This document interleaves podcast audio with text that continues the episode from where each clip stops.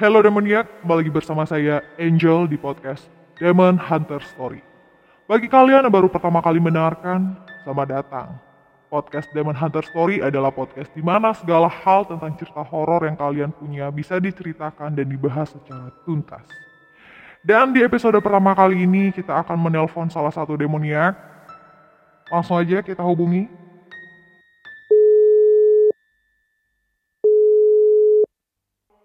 Halo demoniak. Halo. Oke, boleh kenalan dulu dong dengan siapa? Halo, aku Takia. Halo Kak Takia. Kalau boleh tahu Kak Takia tinggal di mana nih? Hmm, aku tinggal di daerah Sesetan.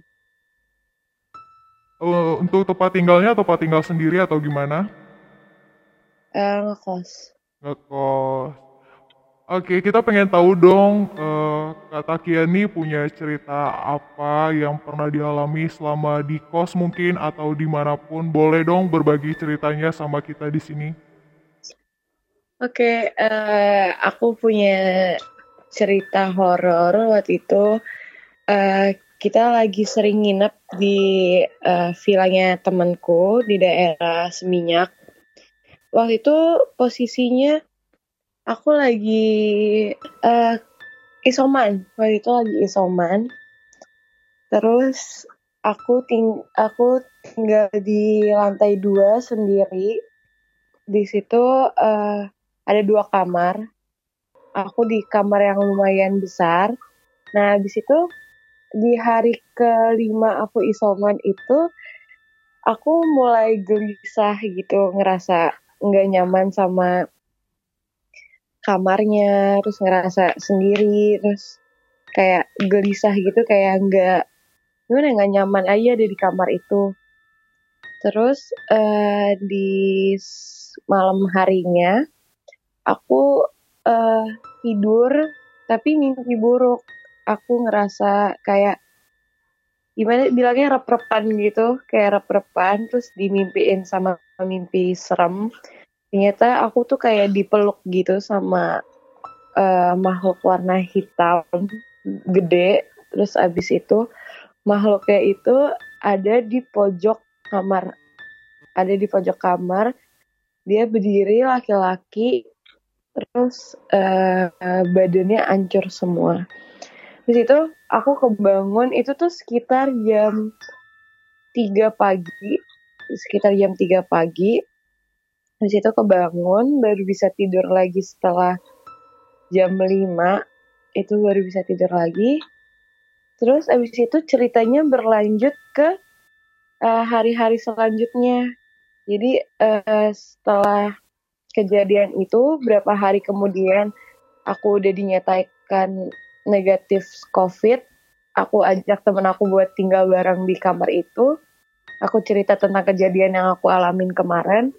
Ternyata teman aku melihat juga sosok eh, bapak-bapak tua yang ada di dalam kamar itu.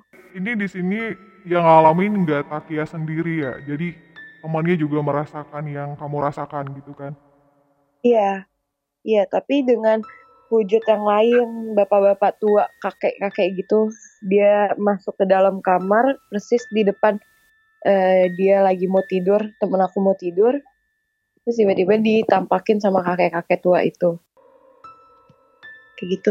Tapi sebelumnya aku juga pernah di kamar itu setelah eh, aku mimpi eh, ada sosok laki-laki hancur itu, beberapa hari kemudian aku digangguin. Kayak aku lagi malam-malam lagi tidur eh, lagi main HP di situ ada yang ngetok kamar aku dua kali aku kira eh, ada temen aku yang mau ngasih makanan buat makan malam gitu. Ternyata pas aku buka nggak ada siapa-siapa kan. Terus aku balik lagi ke kasur habis itu ada yang ngetok lagi ternyata nggak ada. Nah setelah setelah kejadian eh, pintu digetok itu nggak ada orang beberapa hari kemudian itu temen aku yang masuk eh, nginep di kamar aku itu melihat sosok bapak-bapak tua kakek-kakek tua itu Nah itu kalian gitu. setelah melihat wujud si kakek-kakek dan yang sebelumnya udah nampakin diri, kalian reaksinya kayak gimana sih? cuman tetap stay di kamar itu aja atau kalian berusaha buat uh, keluar dari kamar itu pindah villa mungkin? Setelah sehari kejadian itu kita langsung pindah ke bawah. Nah di bawah itu juga berlanjut dengan cerita-cerita ada cerita lagi. Oke boleh dong ceritain yang di kamar bawah nih sekarang kejadian apa lagi yang kalian rasain waktu tinggal di kamar bawah? Nah, di kamar bawah itu jadi ceritanya uh, malam-malam aku lupa itu kejadiannya aku dulu yang kena atau teman aku dulu yang kena. Pokoknya kalau kalau aku itu tengah malam kita tidur bertiga kan. Aku tidur bertiga. Uh, yang lain udah pada tidur terus tiba, uh, aku udah tidur juga kita udah tidur bertiga. Terus tiba-tiba uh, jam sekitar jam 2 jam 3-an juga itu aku kebangun karena ada yang uh, siul di kuping aku. Kayak deket banget siulannya itu jadi aku kebangun disiulin gitu terus kebangun. Terus habis itu kalau uh, aku juga dengar jam 4 pagi suara gamelan-gamelan gitu di kamar itu. Kayak gitu. Terus habis itu eh, teman aku yang ngalamin kejadian yang di atas juga itu ngeliat jadi di sebelah kiri kita tuh kamar mandi kamar mandinya itu pintunya kaca. Kita tuh uh, kalau tidur matiin lampu nyalain lampu kamar mandi kan dia ngeliat malam-malam ada sosok cewek lagi ngaca abis itu uh, berusaha buat keluar dari itu kondisinya waktu pas di kamar itu emang kalian ada berapa? ada berapa orang? Aku bertiga, bertiga. tapi yang ngelihat sosok cewek itu temanku yang tinggal di atas bareng sama aku. Itu dia uh, ngelihat sosok cewek lagi ngaca terus habis itu berusaha buat keluar dari pintu dia kayak uh, ngemainin pintunya itu seakan-akan pintu itu dikunci. Habis itu dia tiba-tiba terbang ke arah kanan luar itu ada jendela ke arah kolam renang. Itu dia tiba-tiba kayak set terbang kayak gitu. Hitam terbang kayak melayang gitu. Ini sebelumnya nih kita pengen tahu uh, sebelum kalian stay di villa itu kalian udah tahu gak sih kalau villanya ternyata emang punya cerita-cerita mistis kayak gini?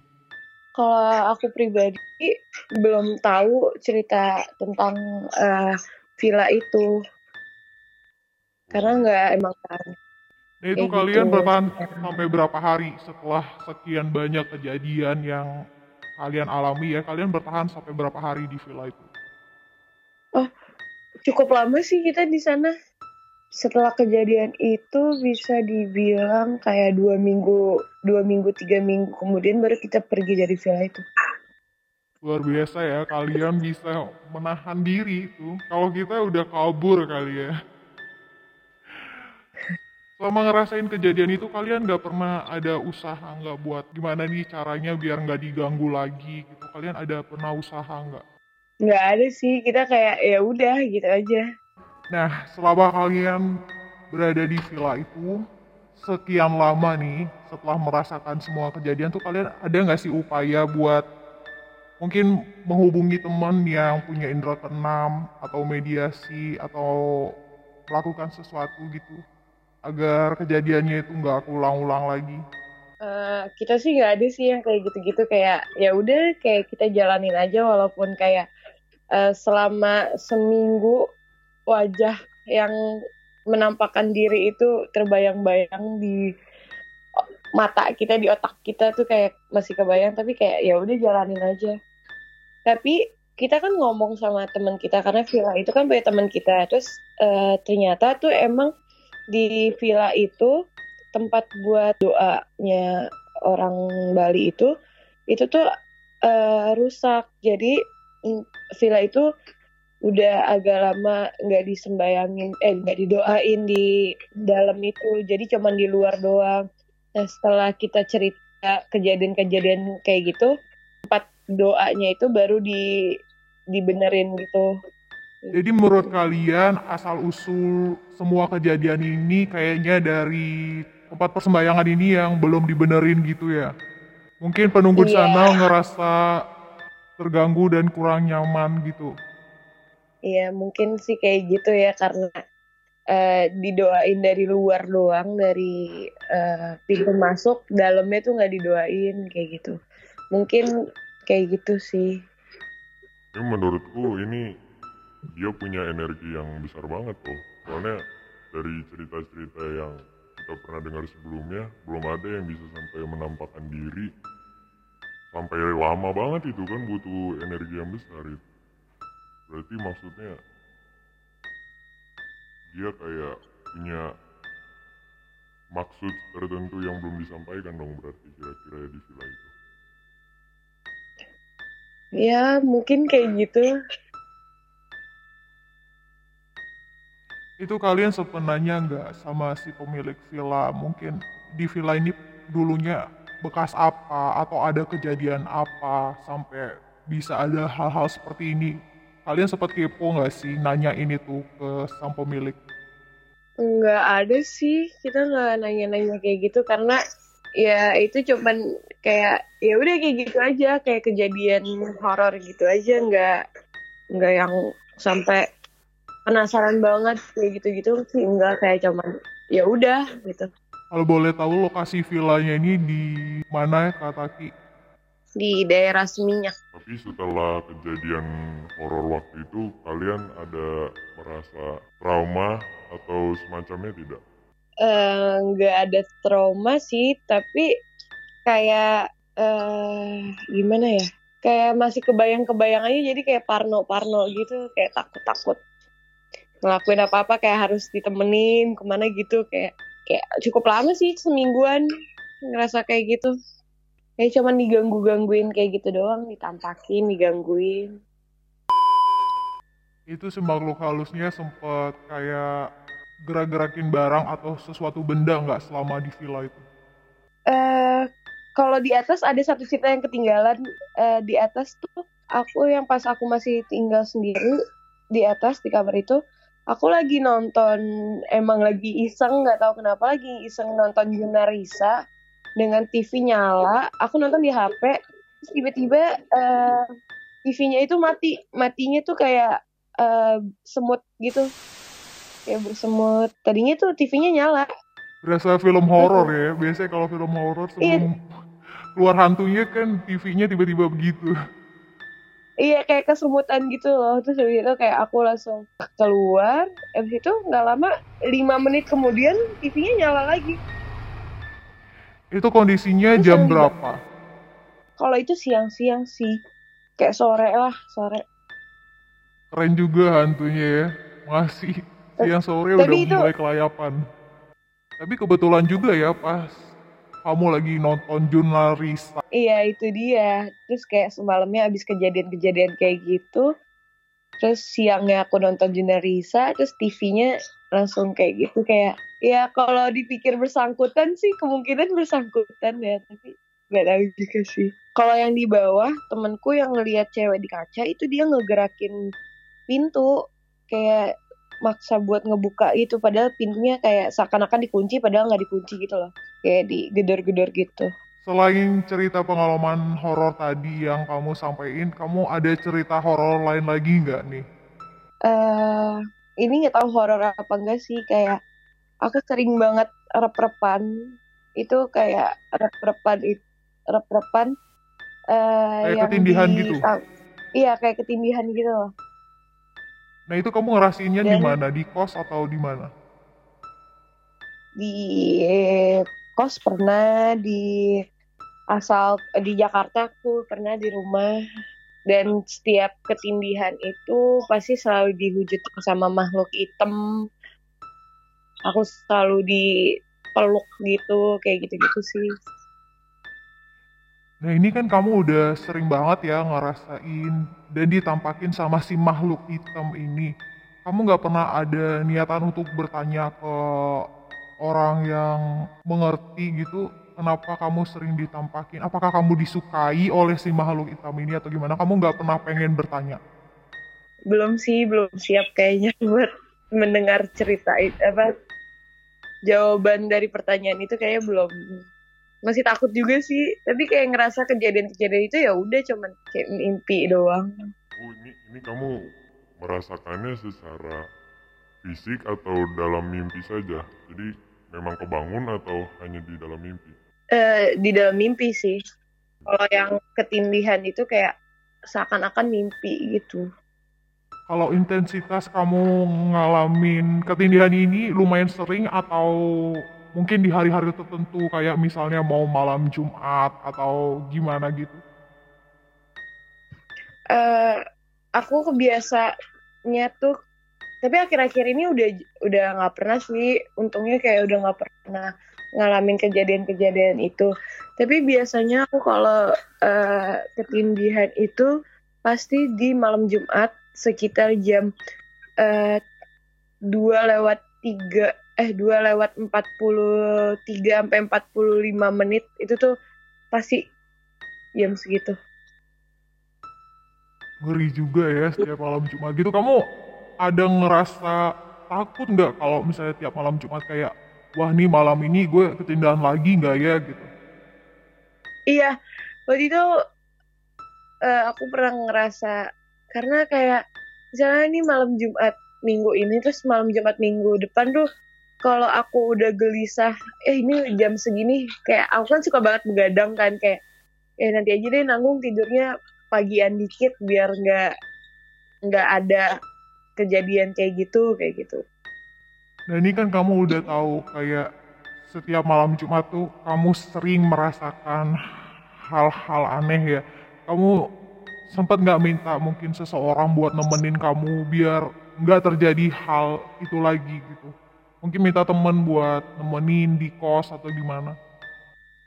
Eh, aku kalau kayak gitu eh, kalau misalnya eh, abis kejadian ketindihan pasti aku selalu ambil HP buat nelpon siapa pun itu buat nemenin ngobrol dulu biar kayak tenang terus habis itu pasti sebelum tidur lagi aku kan eh, muslim ya aku eh, hudu dulu sebelum tidur terus baru aku baru bisa tidur lagi kayak gitu Eh ini sorry ya kalau Biasanya. salah tapi setahu kita nih kan kalau di Muslim itu ada kayak baca ayat kursi gitu. Kamu sempat nggak sih ngelakuin itu waktu ngerasain hal-hal gaib ini?